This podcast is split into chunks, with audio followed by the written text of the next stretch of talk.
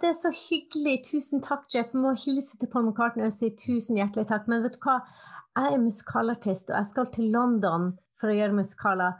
Så jeg tror ikke det her er rette tidspunktet for meg for å bli Liverpool og, og synge her. Så mm. men tusen takk, det er veldig hyggelig. Du hører på Portrettpodden med Mats Lasseangos.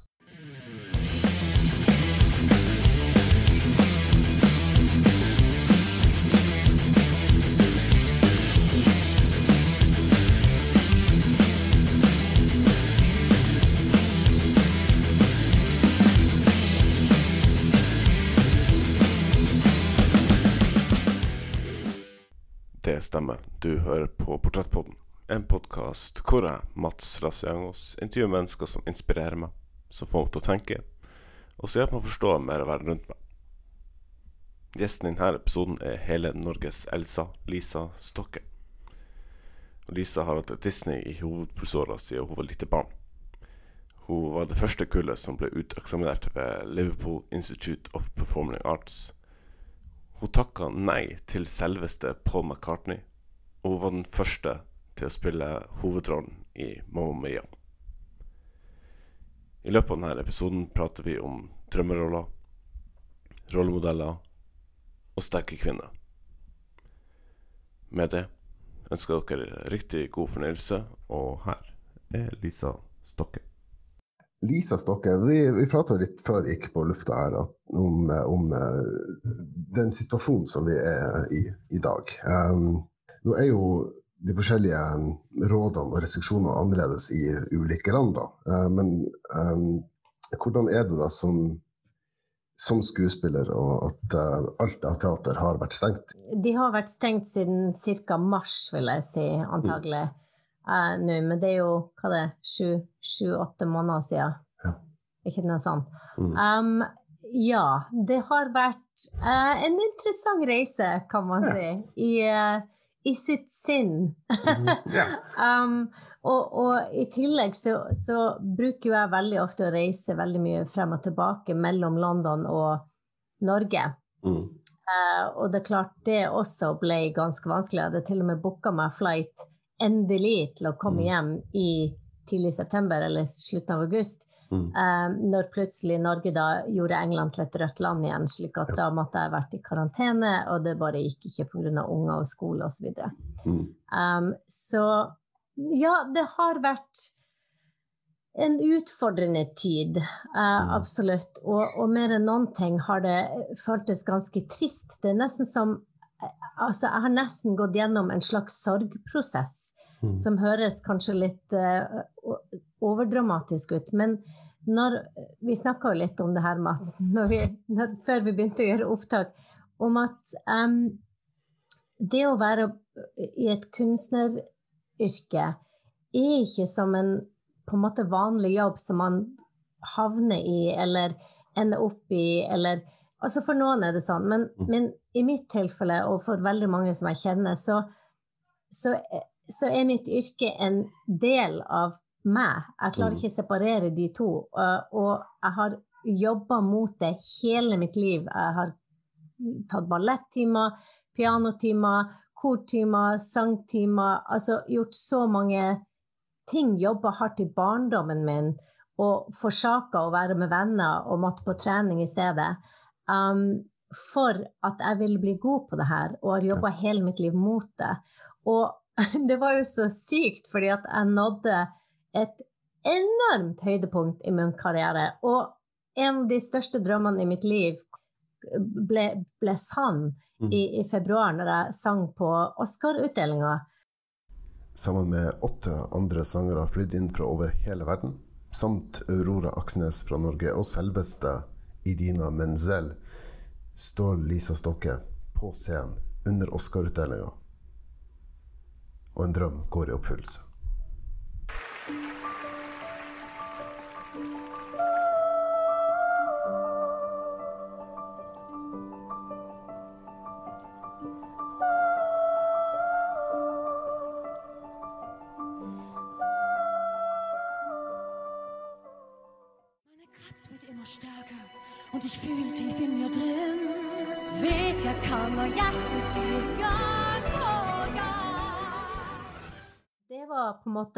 Slutten av min Begynnelsen og slutten av min karriere akkurat nå.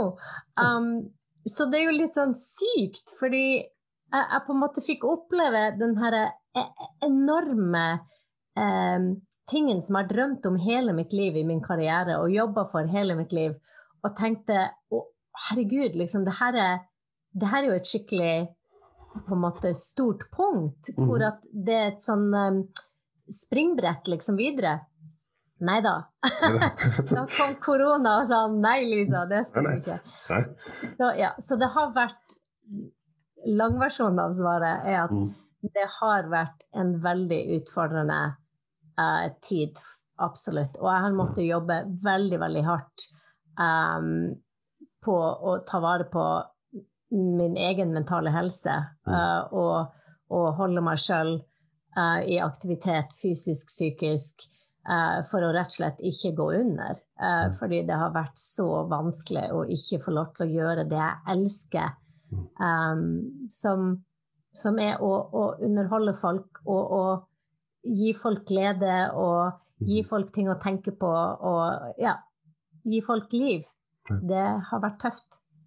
For å være helt ærlig, eh, for meg har det vært veldig vanskelig. Jeg har Mm. opplevd det som bare smertefullt å skulle synge.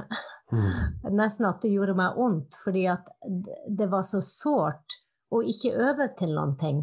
Mm. At jeg bare skulle øve for meg sjøl, ikke Mm. fordi at jeg skal gjøre noen ting. Fordi at jeg, jeg er veldig vant med å ha lange perioder hvor at av og til det ikke skjer så mye, og så har jeg perioder hvor at jeg klarer så vidt å puste, fordi det er så mye som skjer på en gang. Men det her har vært veldig annerledes fordi det er på uviss tid.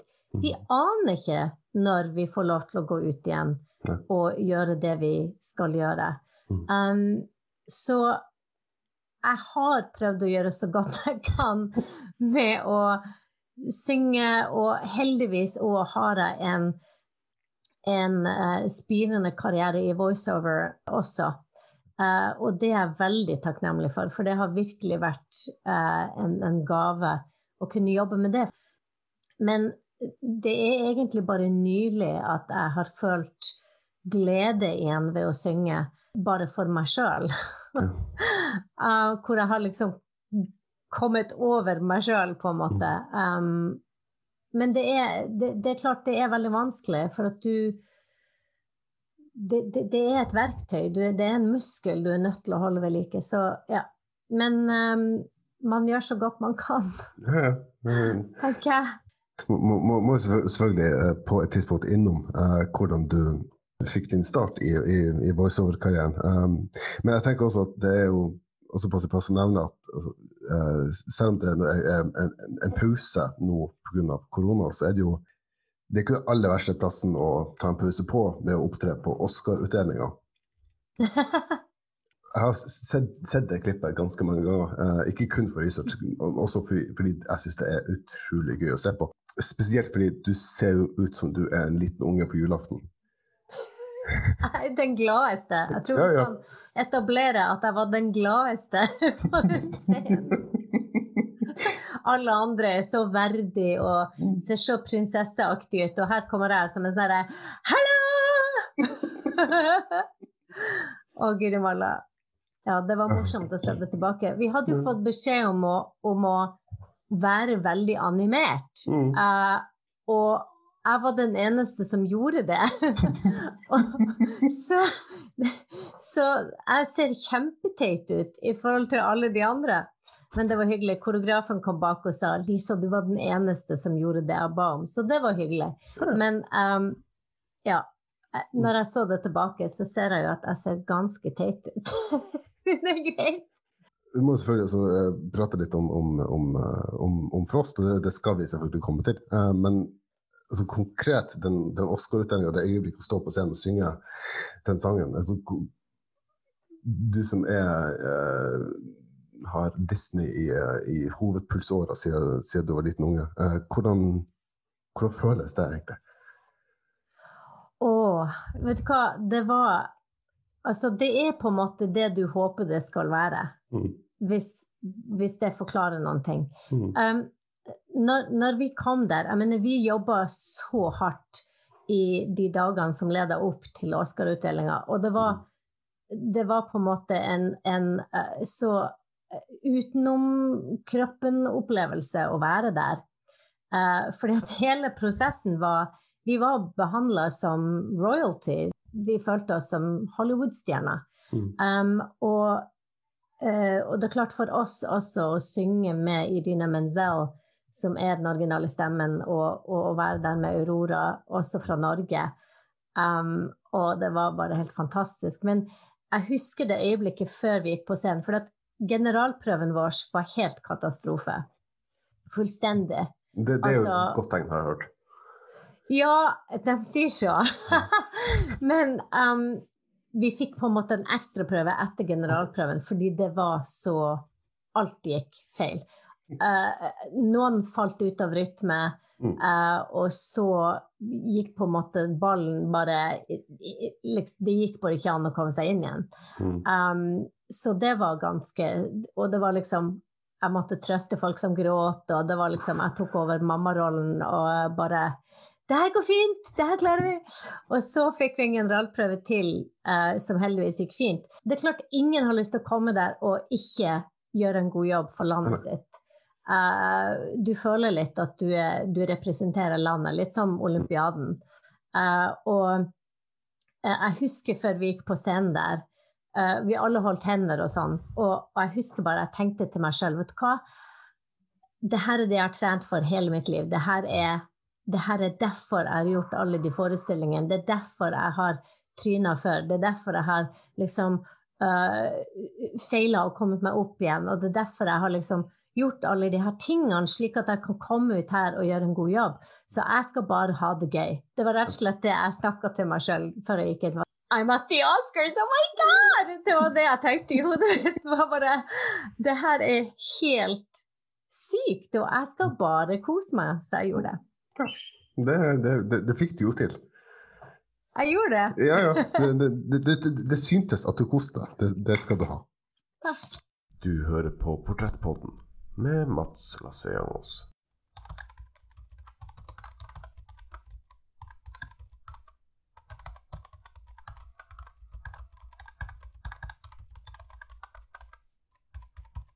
Det Du var altså første, første kullet på Lipa, Mm -hmm. Uh, som på folkemunne heter Paul McCartney-skolen. Uh, og som jeg alltid spør alle som, uh, som har gått på Lipa, eh, har du møtt Paul McCartney? Ja! Har Jeg har ikke bare møtt Paul McCartney, jeg tok sjansen og kyssa ham på kinnet, fordi at uh, vi Vi um, Vi fikk på vår graduation Mm. fikk vi alle uh, Vi satt på scenen, vi fikk alle én etter én gå opp og fikk diplomet og en sånn gold pin av Paul McCartney. Mm. Og ei venninne av meg som også heter Lisa, eh, som gikk foran meg, hun gjorde det. Hun tok tak i han og kyssa han på kinnet, og jeg tenkte dæven, det skal jeg òg gjøre. fordi at eh, når får jeg sjansen til å kysse en Beatles ever again? Mhm. Så jeg tenkte det skal jeg òg gjøre, så har jeg en bra historie. Men jeg har en enda bedre historie skal jeg fortelle om Paul McCartney, og det er, det er fordi um, når uh, vi gjorde vår uh, Mot slutten av vår studie så gjorde vi et show for Paul McCartney uh, som han så på. Uh, og ja, det var vårt finaleshow, på en måte. Mm. Og han, uh, hans PR-manager, Jeff Baker mm. um, Jeg fikk en telefon på universitetet. Jeg satt i kontoret på universitetet og fikk beskjed om å komme, for da skulle Jeff Baker ringe til meg. Og um, det her var helt på slutten ikke sant, av Lipa. Uh, og Jeff ringer til meg og sier du, Paul ville bare si at han hadde vært så imponert over min performance, uh, og at, jeg, at jeg, I, I really stood out. Um, uh, og han ville bare si at hvis jeg noen gang hadde lyst til å, å, å, å synge i Liverpool, han skulle arrangere alt, og no problem å få meg inn hvor som helst i Liverpool uh, og, og hjelpe meg.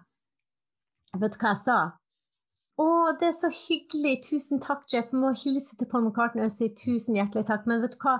jeg er musikalartist, og jeg skal til London for å gjøre musikaler. Så jeg tror ikke det her er rette tidspunktet for meg for å bli Liverpool og, og synge her. Så Mhm. men tusen takk, det er veldig hyggelig.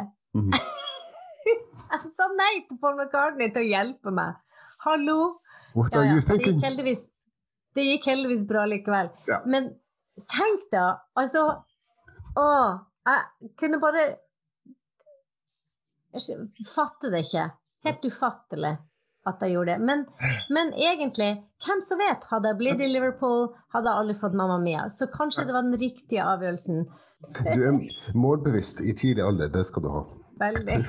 Det det er ikke, det er ikke alle som tør å si nei til Paul McCartney, så det er også imponerende. Tusen takk. Mhm. Du har min, min, Vi min dypeste sånn, vi sier det sånn at det var smart og imponerende og Ja. ikke teit.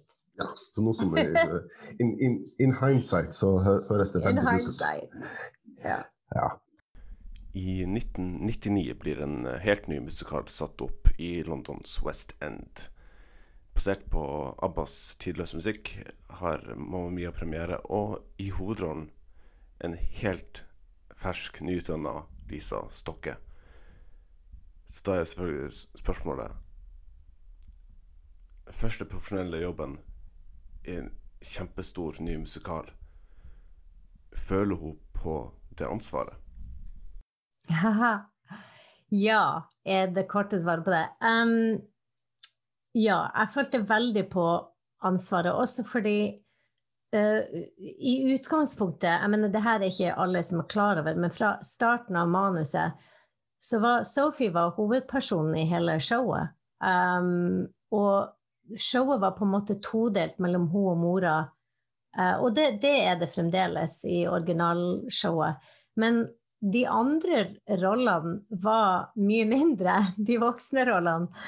Ja, de var mye, mye mer i um, manesjen, nei, hva det heter, i, i, bak scenen, holdt jeg på å si. Uh, og Sky var en kjempesvær rolle. Um, men de beholdt heldigvis kjernen i stykket, som er at det er en historie om en mor og en datter. Og uh, ja, jeg, jeg følte forferdelig ansvar, også fordi jeg visste det var min første rolle, store rolle ever. Det var min første profesjonelle rolle. Og um, det, det, presset jeg hadde før uh, premieren, var annerledes enn det alle de andre hadde. Det var ingen som hadde Jeg hadde så mye presse fra Sverige, Danmark, Norge, hele Norden, egentlig, i tillegg til England fordi vi var så unge, og vi var så nye, og vi var så fresh, og vi kom fra Paul McCartney-skolen og alt det der. Så når premieren kom, så var jeg så sliten. jeg var helt utslitt.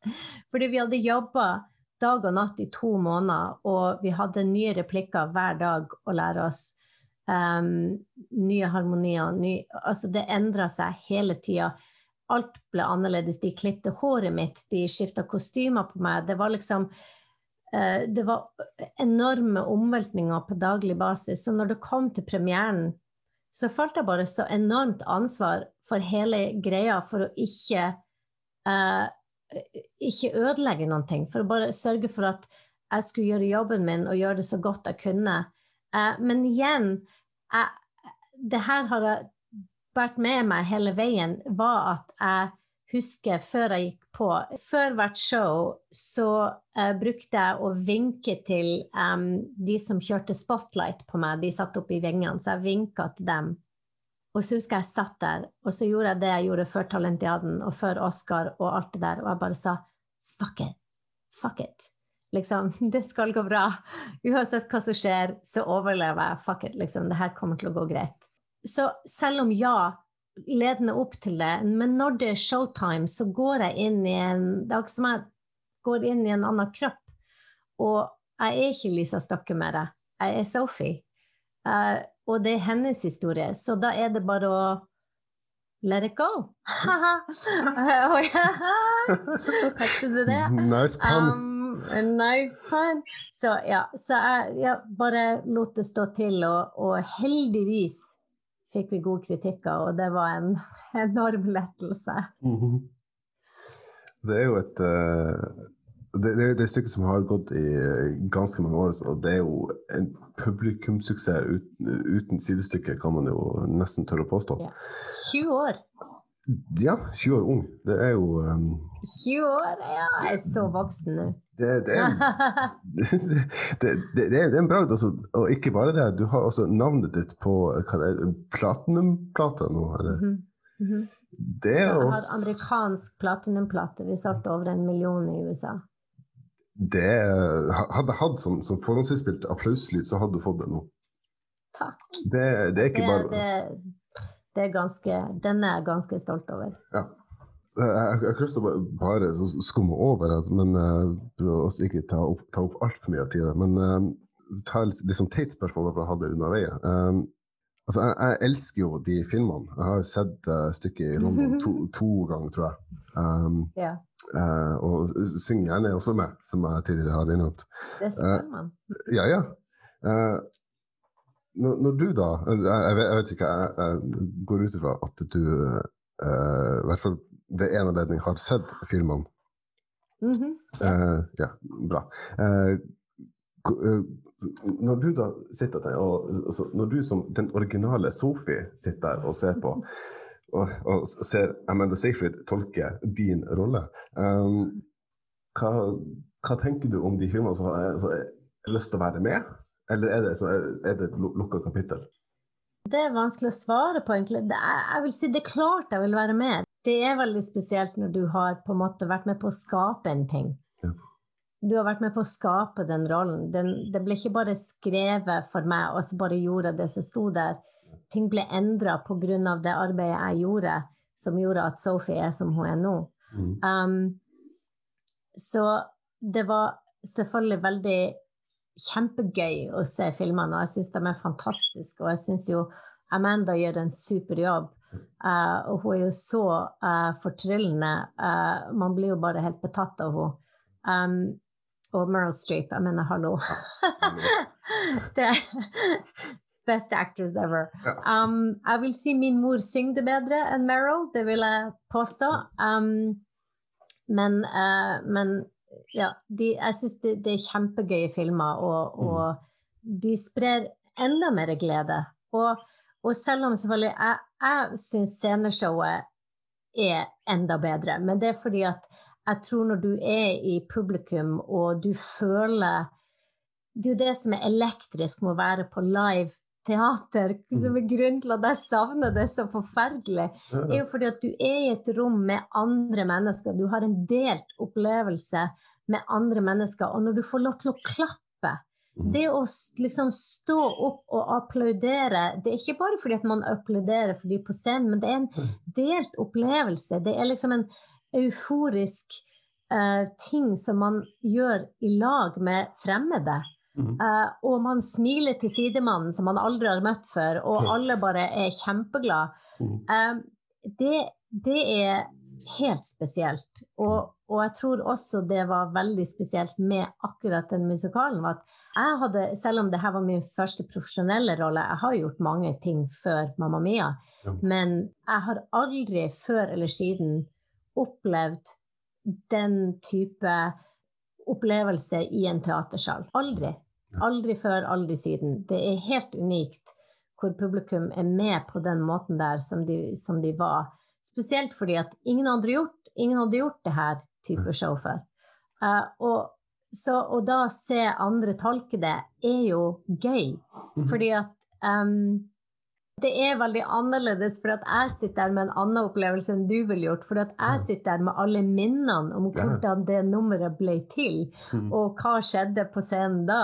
Og Uh, hva ble kutta, og hva har de gjort annerledes? Og det sitter jo jeg med, så mitt hode er kjempeopptatt. uh, mens jeg skal prøve samtidig å sitte og nyte en film. Det er helt umulig. Fordi jeg sitter og analyserer alt. så jeg har bare en helt annen opplevelse enn en, jeg, tror alle vi som var med på original cast, har en helt annen opplevelse enn alle andre når vi ser den filmen. Ja, selvfølgelig. Og det er jo samme som selvfølgelig når du er på din egen filmpremiere, Ja. så klarer du ikke sitte og, og se filmen uten å ha alt som har skjedd bak, skje oppi hodet samtidig. Det er jo det som er så utrolig Ja. Uh, når folk må sitte og se på sin egen premiere. Det er helt merkelig. Mhm. Så ja, alt som sprer glede, sier jeg bare gi, gjør mer av det. Du hører på Portrettpodden med Mats Lasseangos.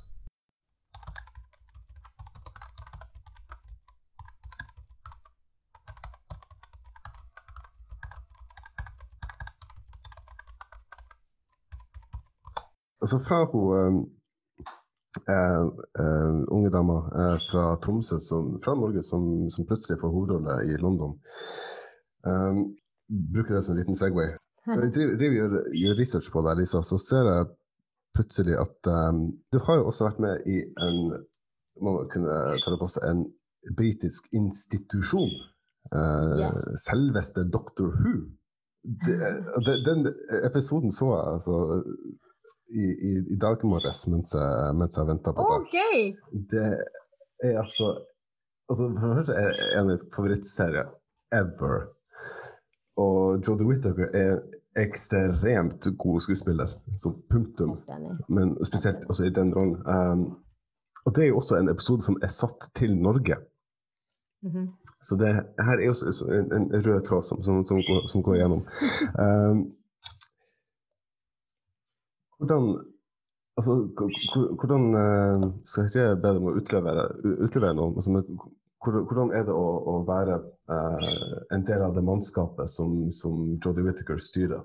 Og vet du hva, det var det er en av de gøyeste jobbene jeg noen gang har gjort. Og Jodie um, er bare Altså, jeg, jeg, var, jeg måtte bare stå og se på henne av og til hvordan hun jobber, fordi at hun er så imponerende.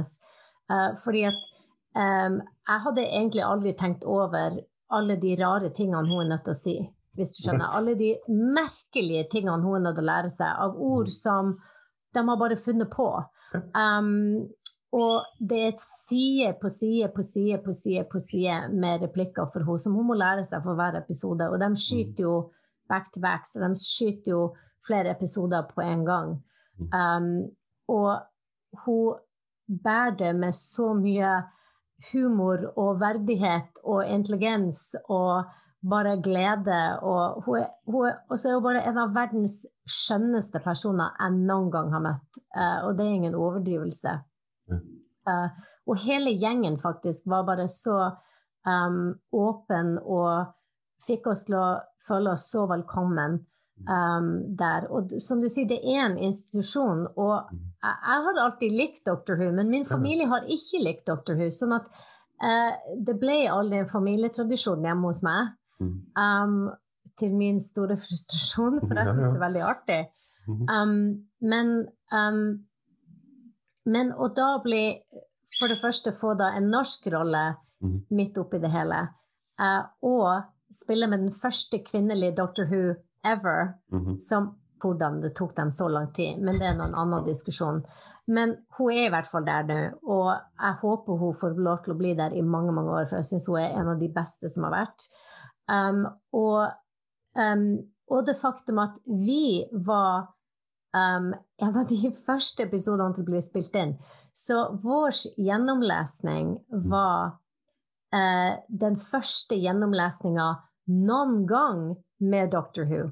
Så ikke bare Det her var helt sinnssvakt. Vi eh, var i Wales, i Cardiff, og eh, fordi jeg, jeg følger ikke helt med av og til med hvem folk er, fordi at eh, jeg tenker jeg blir kjent med folk, og så sånn får jeg vite hvem de er, så at jeg ikke liksom gir folk status uten at de har fortjent det. Men, Mm. men i alle fall, der var vi med Chris Chibnall og med alle de som har liksom skapt Doctor Who.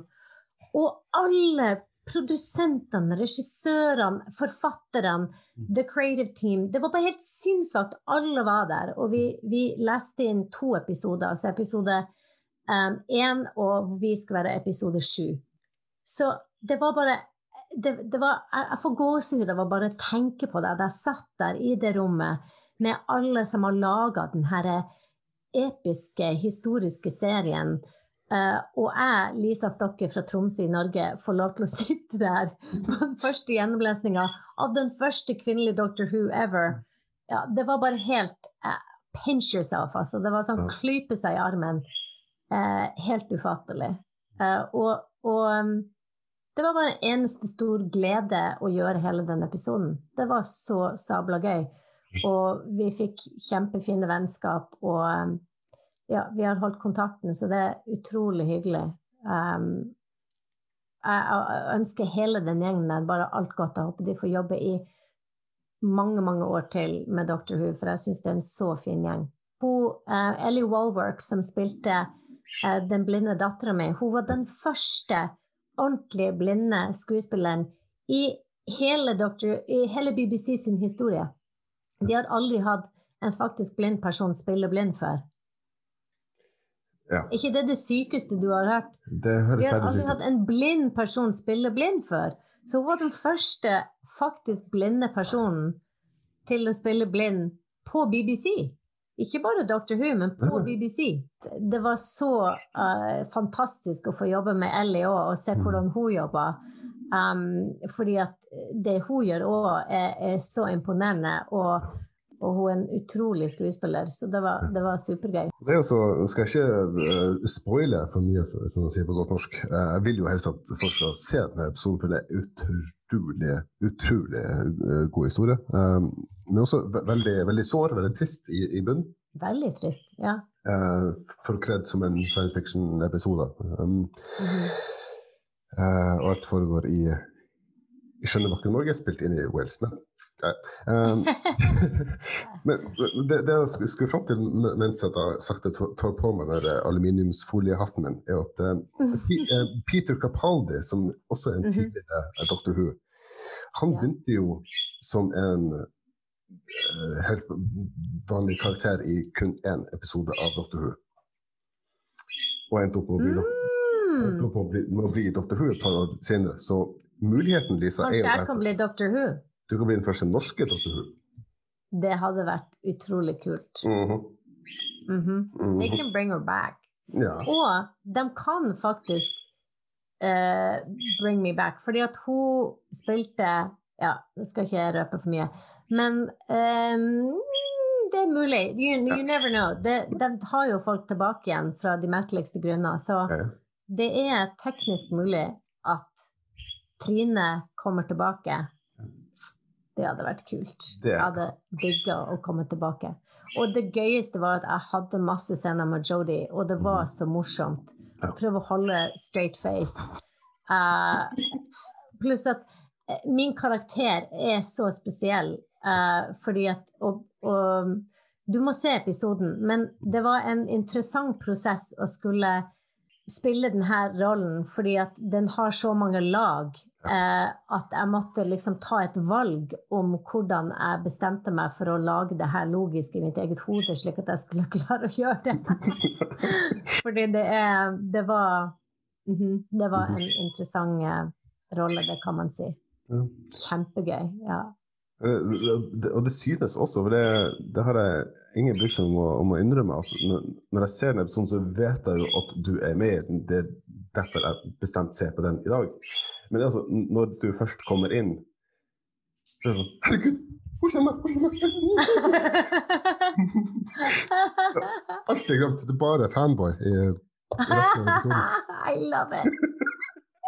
Mitt favorittøyeblikk er når min karakter får den, eh, får den der når hun snakker, og jeg får den eh, realization. Det er mitt favorittøyeblikk i hele episoden, der jeg sånn Jeg snur hodet mitt og bare Eh, what now? Så dere må se den. Det er veldig, veldig gøy. Eh, og så er det en veldig kontroversiell frask i den episoden. Ja, det Veldig kontroversiell. Den starta mange samtaler på YouTube og fikk masse videoer av den frasken. ja. Um, så veldig gøy. Og jeg fikk jobbe med Sharon D. Clark også, som er en fantastisk engelsk skuespiller. Det det er jo heller ikke å forakte.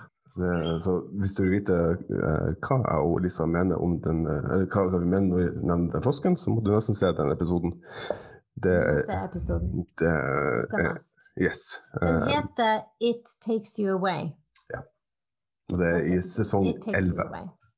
Ja, og det er episode ni, tror jeg. Den Ja. skulle være sju, men den ble ni. Mhm. Løp og, og se etter at du har hørt ferdig denne episoden, selvfølgelig. Yes.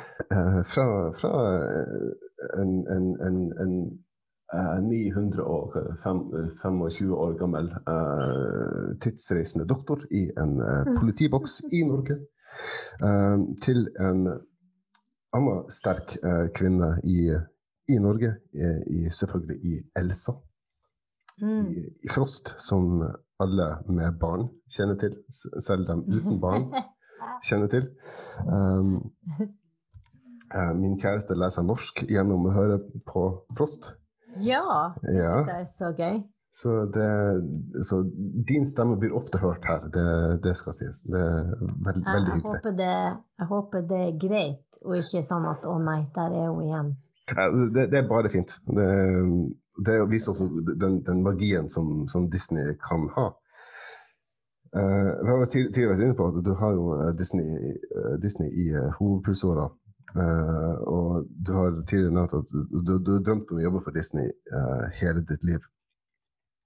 Eh, altså når, altså de, de tidligere eh, Disney i den renessansen som heter fra 90-tallet og utover, Lønnskongen konge, Aladdin, hele den, den ramsa, så er det jo mye sånn um, Det henger fortsatt mye igjen at prinsessa skal vente på prinsen for å bli redda, og eh, happily ever after og, og sånt. Men så, hvis jeg hopper til, til, til Frost, der, er så er det jo mer fokus på to søstre som er strong independent women.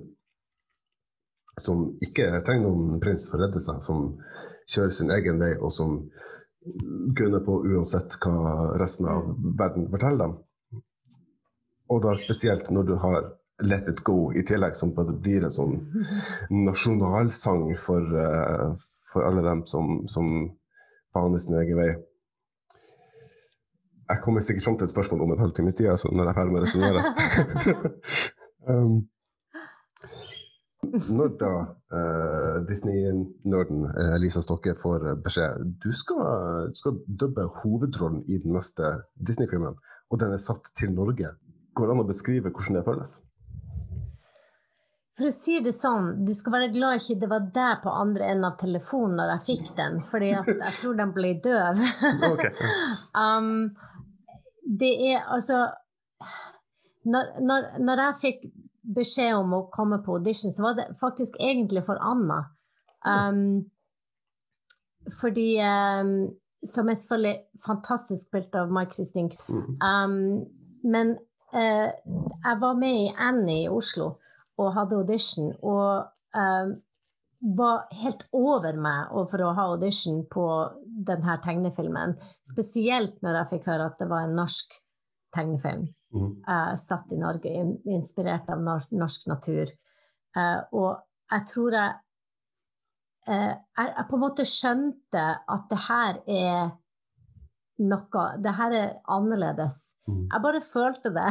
Jeg får følelser, jeg får mange følelser. Um, men, men jeg har et instinkt på sånne her ting. Det var samme med Mamma Mia òg.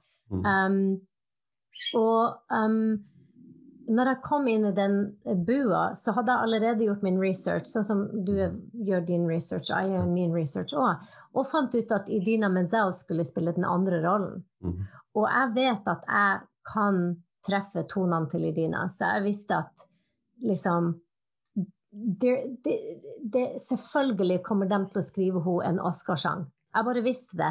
Selvfølgelig gjør de det, for eh, ellers ville de ikke hyrt henne. Um, og, og Kristen Bell, en fantastisk sanger, hun har en helt annen kvalitet.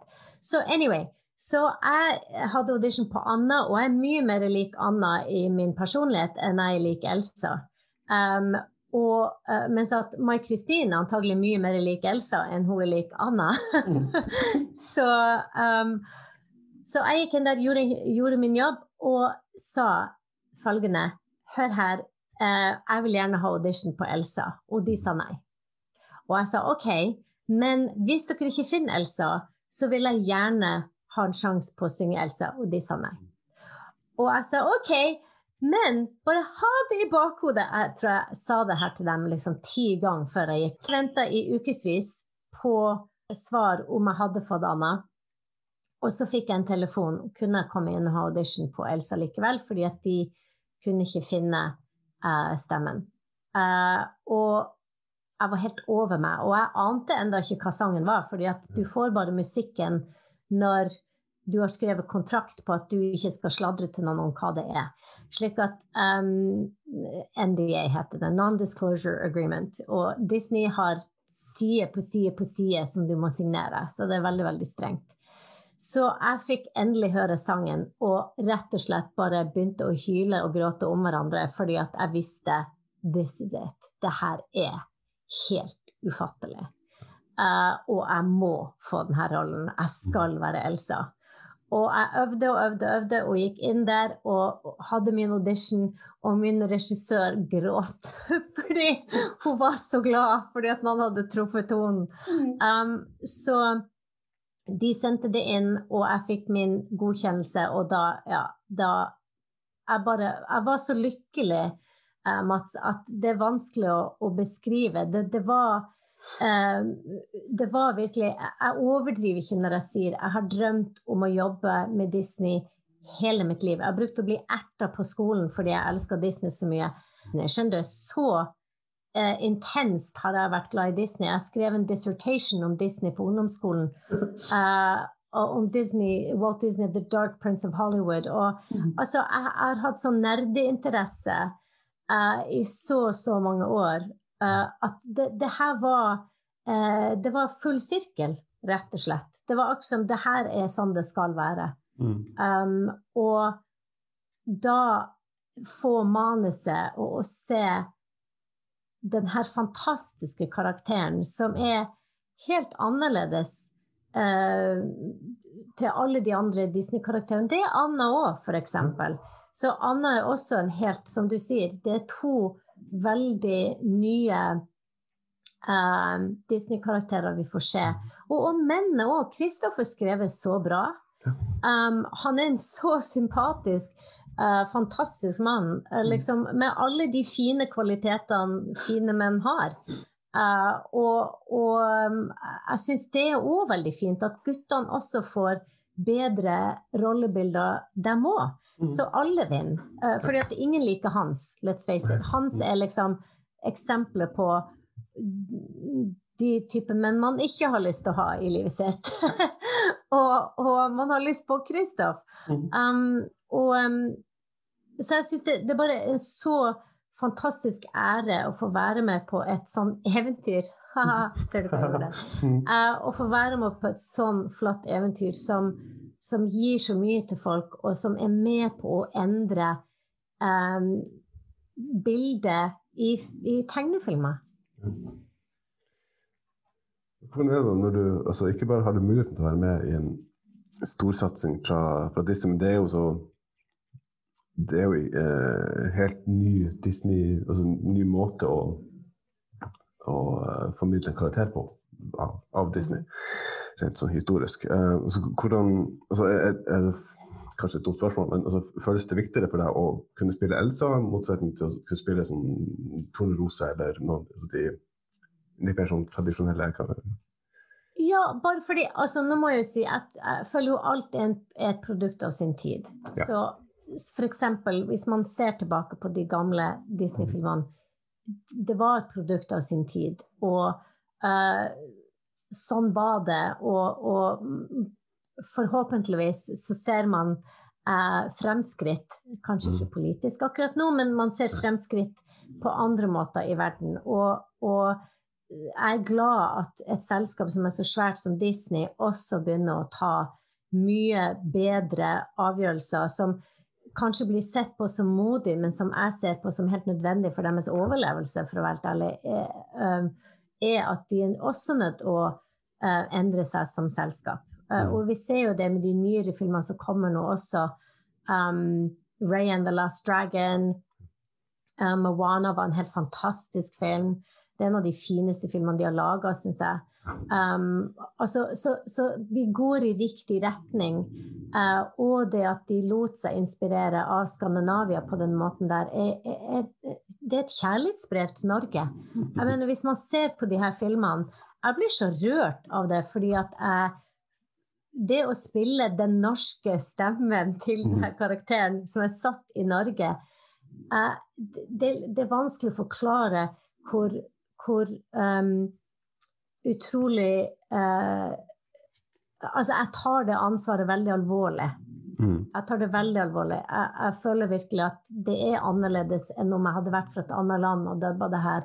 Ja. Jeg, jeg, føler også fordi at spesielt den andre filmen um, tar for seg noe som folk som ikke er fra Norge, antagelig ikke forstår. Uh, og det er jo det her med, med den samiske befolkninga og den norske befolkninga. Og for meg, når jeg så film nummer to, den første tanken som slo meg, var at å herregud, det her handler om Altavassdraget. Hvorfor er det ingen som ser det? Og jeg, jeg, skjønte ikke at ingen fikk med seg det. Ingen journalister fikk med seg det. Uh, jeg leste kritikker av filmen, og jeg bare tenkte har du lest noe om norsk historie? Ser dere ikke hva filmen egentlig handler om? Jeg burde kanskje ikke si det her siden jeg jobber for Disney, men heldigvis kan ikke de norsk. Uh, men, men, filmen, uh, for oss to spesielt, er en mye viktigere film enn det ser ut som på overflata. Den tar for seg uh, Du kan trekke store linjer. Den tar for seg politivold, hvis man vil se det på den måten. Den tar for seg hvordan man kan endre um, um, perception. Ja, man kan, man kan endre uh, hvordan ting blir sett på ved å, ved å, bare si 'det er ikke sånn det er', uh, og, og, la være å si sannheten. Og folk kan tro på den løgna i mange, mange år. Og, og, uh, og, det tar for seg misbruk av urbefolkning som har skjedd over generasjoner, og som de som kommer etterpå, har ikke fått med seg. Uh, og det er så fint at i den filmen Jeg føler liksom at den filmen er et kjærlighetsbrev til å si vi ser dere, liksom, vi, har, vi har gjort feil, og vi skal bli bedre. Så for meg var det så utrolig viktig, og spesielt at de lagde en samisk versjon. Um, og jeg elsker Marianne Penta, min felles Elsa. vi har blitt veldig gode venner. Um, og og jeg fikk æren av å møte Sametinget og de som ble involvert i Verde, som Disney hyra, som var rett og slett um, viktige samiske representanter for å beskytte filmen, for å sørge for at det samiske uttrykket ble tatt vare på, og at ingen, at ingen ble utnytta av denne suksessen. Så det var så mange ting ved hele både Frost 1 og Frost 2 som jeg syns gikk så djupt. Um, og med Frost 1 det at vi tar for oss uh, hvordan å være annerledes, og at det er OK, og at vi må tørre å ta sjanser og ikke være redd.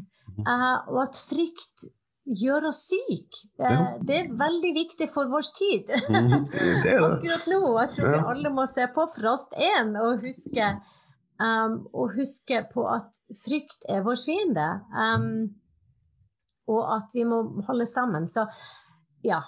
Mitt eh, lange svar er at jeg, jeg, jeg, tar det ansvaret så alvorlig med å være Elsa for alle som vokser opp nå, og som ser de her filmene og får oppleve det. Og jeg er så takknemlig for Disney for å ha gitt meg den sjansen. Um, ja, det har bare vært det har endra hele min karriere å ha gjort de filmene der. Fullstendig. Jeg har fått en ny karriere av det. Det å være, være en, en, en Disney-prinsesse av vår tid, det er jo heller ikke alle forunt. Det, det, er et ansvar som, som du skjøtter på veldig godt vis. skal du ha. Tusen takk. Du hører på Portrettpodden med Mats Lasseangos.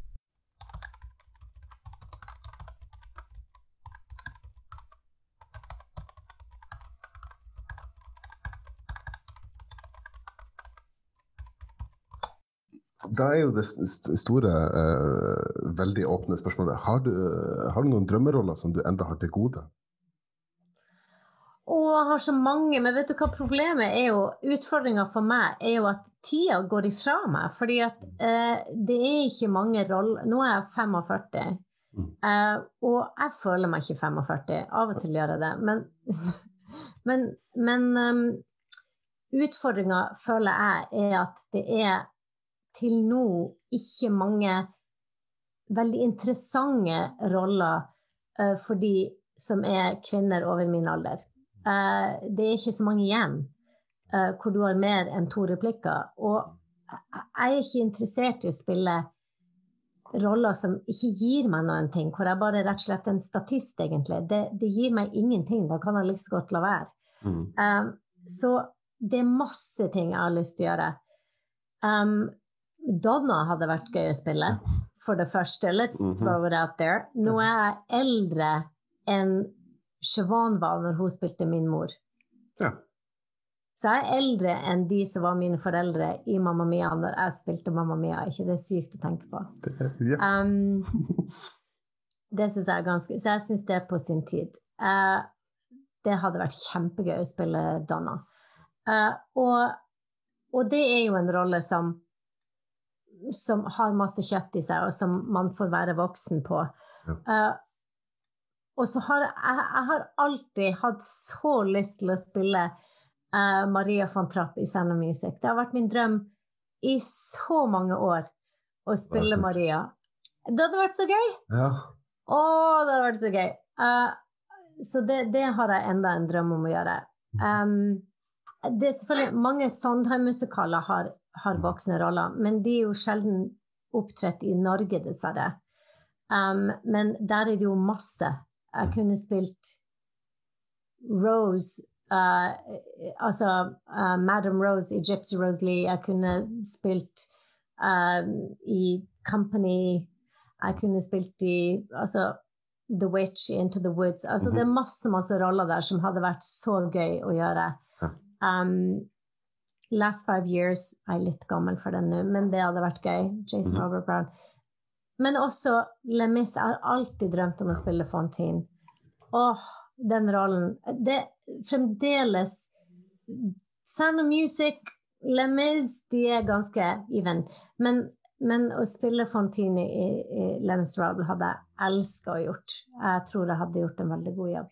Um, jeg er så ydmyk. men jeg tror jeg hadde gjort en god jobb. Um, uh, og jeg har også veldig lyst til å spille Sally Bowles i kabaret. Det hadde vært supergøy. Og Sweet Charity. Å, oh, det er så mange roller. jeg bare trenger dere sminke, så går det bra. Bare slap on the makeup, og så ser jeg ut som jeg er 20. Nips Jeg and bare, du, det går, ser du?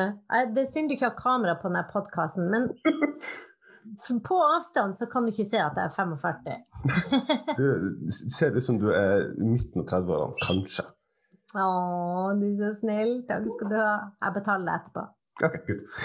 Uh, Det, det er egentlig litt artig at du nevner det. for Jeg, jeg har skrevet her notat at um, hvis jeg skulle drømmekasta deg til, til noen musikaler Yay! ja, Alle som kjenner meg, vet at jeg er musikalnerd på min hals. Um. OK, kjør på. Kanskje det er ting jeg ikke har tenkt på. altså, altså, Topp tre er da Evita, men det har du aldri gjort. Så Jeg har gjort det, yes. Og det er jo antagelig den største kvinnelige hovedrollen av alle hovedroller, vil jeg si. ja. Og det er vel den rollen som Altså- Andrew Lloyd Webber hater mest, går jeg ut fra. Jo, men det føles som at de hater henne. Fordi Ja. at det er skrevet som at de hater Ja. Det er pinefullt å synge. Det er ikke noe gøy å synge, fordi det er så veldig vanskelig. Men det er litt sånn Jean Valjean-rollen av kvinneroller, vil jeg si. Av kjøtt på beinet. Ja. Mye å ta av der. Så check Ja, på den. Mhm, check. Um, da, nummer to er Fantine eller Miss. Yay! Altså, jeg hadde, hadde betalt for hele teatret for å se det. Du burde Eh, bare caste. Bare gjør det. Jeg burde ikke bare, bare, Bare bli en casting director. Ja, rett og slett. Bare drit i podkast og bli Ja. casting director, og så bare hyrer du meg. Ja. Hyre deg til alt, og så, får, så får vi noen andre til å dubbe min stemme etterpå. Så, Yes. yes. Ingen problem. Du kan gjøre begge deler. Jeg gjør mange Ja. ting. Ja, ja, ja. Altså, jeg har spilt Frankenfurt i Rocky Horror Show, så alt Yeah! Og det er en bra musikal. Mhm. I love it. Jeg har alltid hatt lyst til å spille Janet, men nå er jeg litt gammel. Det går ikke. Aldri for gammel. Jeg, jeg, jeg, jeg ble for at jeg var for feit til å spille Frankenfurt, så yes. jo, men det er jo litt artig, det òg, da. Det er et karaktervalg, det òg. Det, jeg tror jeg kommer ikke få til med korsett og masse sminke. Ikke sant? Eh, altså, tredje var jeg litt usikker på, om, usikker på om, om jeg skulle nevne høyt, for jeg var litt redd for uh, kanskje jeg skulle fornærme deg. Men jeg tenkte faktisk på, på heksa i Into the Woods. Ah, there you go! Det er en fantastisk rolle. Som Nei, også, blir jo det, altså, det, det er jo ikke gøy å bare spille liksom, pene folk. Du har lyst til å spille de kjøttrollene òg. Ja, ja. Nå, nå er det dags. ja. Nå jævla, nå kjører vi. Nå jävlar, nå Ja. kjører vi. Be- Å, Kristina fra Duvemåla hadde vært gøy. Det hadde vært gøy. Mhm. Det har Elfeba hadde også vært veldig gøy. Elfaba hadde vært Mhm. kjempegøy. Ja. Det hadde vært dødsgøy. Glinda for så vidt òg. jeg var Elfaba Nei, jeg kan ikke synge så høyt som Glenda. Hun, synger høye steder. That's not my strength. Mm. Jeg som Elfaba, Heidi Gjermundsen som Glenda. Alle, al- alle 30 som hører på, make it happen. Come on, make it happen! Ja. Vi har det jo kjempegøy, jeg og. Heidi. Vi er veldig gode venninner fra Lipa. Det Once a lippa girl, always a Og så lippa girl. girl. Mm -hmm. Det hadde jeg også på tattpose. Det, Sant? Det hadde Ja, ja. vært gøy. åh, det Vi kunne hadde- alternert, bytta roller. Ja, ja. Annenhver uke. Det er veldig vanskelig for meg selv, men ja, det hadde vært gøy. I, li- I like the way you're thinking. yes. Uh, uh, så, altså, jeg skal prøve å halte meg uh, mot de siste spørsmålene her. Um, du nevnte det tidlig, som også syns det er veldig fint at du nevner det for meg. Um, altså, om du skulle gå tilbake nå og til Mamma Mia og spilt Donna, Mhm. med alt det du vet om Sofie, og du, du har jo skapt den karakteren, Mhm. og det forholdet som du har til Siobhan som spilte Donna når du var Sofie um, Ja. så, på hvilken måte ville du, altså innenfor de uh, parameters man har i, i musikalteatret, selvfølgelig, uh, hvordan ville du spilt, spilt Donna? Og jeg ville vel spilt henne med alt det hjertet hun har. Mm. Altså, jeg, jeg føler jo at um, den karakteren er så fin fordi at hun, hun på en måte Hun er så godt skrevet. For du vet, når man har den her, den her um, saying som til og med du sa på begynnelsen, som er liksom uh, strong independent woman, ikke sant? Men hele clouet med å være en strong independent woman er at du er ikke sterk alltid. Det å være sterk betyr at du kommer deg gjennom vanskelige ting eh, haltende, og du gjør det likevel. Det betyr at du er redd, og du gjør det likevel. Eh, det, er jo, det er jo det som er liksom å, å ha mot, er jo at du er redd, og du er liksom Ting er vanskelig, men du gjør det på tross av det. Eh, og den karakteren er skrevet så fin, fordi at hun du, du føler så med henne. De har gjort henne så veldig relaterende for de fleste kvinner, tror jeg. Um, og hun er ingen enkel person, men hun har hjertet på rette stedet. Og, så jeg ville spilt det med alt det hjertet og motet og sårheten og styrken som jeg har. Eh, og ha det gøy! det er mitt motto. Ha det gøy! Um, fordi at det er, en, det er en utrolig eh, fin rolle. Altså, jeg vil si Sophie er en mye vanskeligere rolle å spille enn Donna, eh, tør jeg påstå. Fordi at hun er ikke skrevet så rik Nei. som Donna-rollen er skrevet. Hun er veldig um, Reaksjonær. det er altfor li... Ja, Mm. absolutt. Slik at hun bare reagerer på alt som skjer rundt henne, men hun på en måte har ikke Det er ikke skrevet inn i manuset alt som skjer inni hodet hennes, mens at Donna sine ting er skrevet ut. Mhm. Um, men med Sophie, jeg måtte finne alle de tingene inni meg, så at det skulle forhåpentligvis lyse gjennom øynene mine hva jeg egentlig tenker her. Um, og på en måte lage de broene som ikke er, er der allerede. Mhm. Um, den er også vanskeligere å synge, faktisk, fordi at Donna-rollen holder seg i ett stemmeleie. Ja.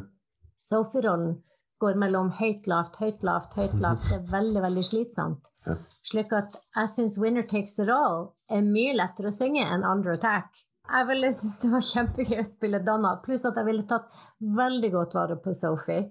Um, fordi at jeg vet hvordan det er å spille Sophie, og det er en veldig utakknemlig rolle. Så jeg ville sørga for at hun også fikk applaus sammen med meg. Um, og passe på den personen ville jeg gjort. Um, det er et så fint show, og jeg syns det er så viktig å beholde den der mor-datter-kjernen midt oppi alle de vennskapene med de voksne. Um, men de unge rollene er veldig viktige òg, for uten dem så har du ingenting. There's no show. Så ja, jeg hadde, hadde storkosa meg med å være Donna. Vi hadde hatt det veldig gøy. Ja. Veldig gøy.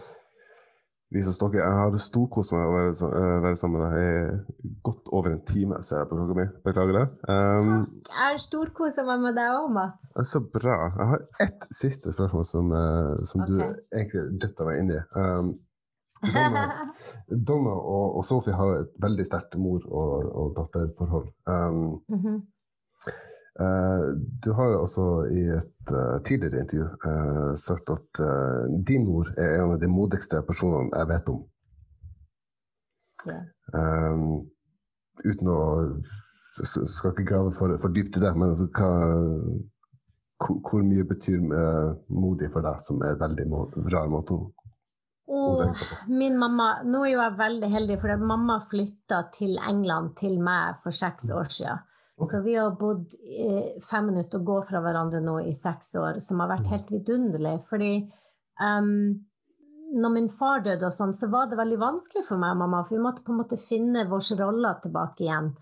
Uh, på en måte hvordan vi skulle være nå, fordi at sant, farsfigur forsvinner, og så må vi finne en ny dynamikk Mm. i familien. Og min storesøster bor i USA også. Mm. Men mamma har um, jeg, jeg skjønte vel egentlig Det her tror jeg skjer med mange kvinner. At du skjønner ikke egentlig hvor kul mora di er før du får unger sjøl. fordi fordi um, min mor flytta fra USA når hun var bare 20 år gammel, til Norge. Til et land Hun snakka ikke språket. Hun hadde aldri vært på et fly før. Hun, hun var forlova med en mann hun ikke hadde sett på et år. Eh, og eh, liksom Hun bare forlot alt. Og den gangen var det jo sant, Du ringte en gang i uka hjem, eh, og det kosta en formue. Den telefonsamtalen kosta jo så mange penger. Uh, og vi, liksom, hun forlot alt for å komme til Norge, til denne mannen, og, og lagde et nytt liv for, for seg sjøl, også for oss.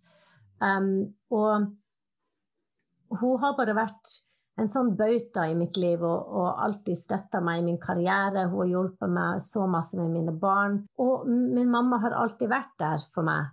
Mm. Uh, og hun, hun er så modig for at hun kaster seg alltid ut i ting. Sånn, hun, hun flytta til England uh, og forlot alt i Norge. Venner, liksom nettverk, alt hun har bygd opp, forlot hun for å komme hit. Hun kjente ingen bortsett fra oss. Ingen. Eh, og hun har laga helt nytt liv for seg sjøl. så hun er bare så forbanna tøff. Uh, feel the fear and do it anyway. Det er liksom hennes motto. Uh, hun imponerer meg så, så utrolig med hvordan hun uh, lever livet sitt. Så hun er liksom Ja, hun er mitt store idol, for å være helt ærlig.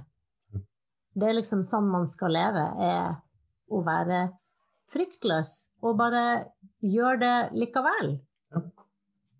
Ja. Syns det er en fin, fin måte å leve på. Det syns jeg òg. Din, din mor høres ut som en veldig, veldig kul og inspirerende dame. Hun er det. Hun er verdens snilleste. Skal jeg la deg få lov til å go, uh, go on with your day, som de sier på godt norsk. uh, så det har vært utrolig, uh, utrolig hyggelig å prate med Lisa. Det, tusen takk for at du tok deg tid til å, til å være med. Og tusen takk, Mats, at du spurte meg. Jeg hadde det så hyggelig, og jeg håper lytterne dine har kosa seg, dem også. Og så håper jeg alle holder seg trygge og safe og ja, masse all, all my love. All min kjærlighet til alle dere hjemme. Du har hørt på en episode av Portrettpodden med meg, Mats Lassiangos. Og min gjest i denne episoden var hele Norges Elsa, Lisa Stokke.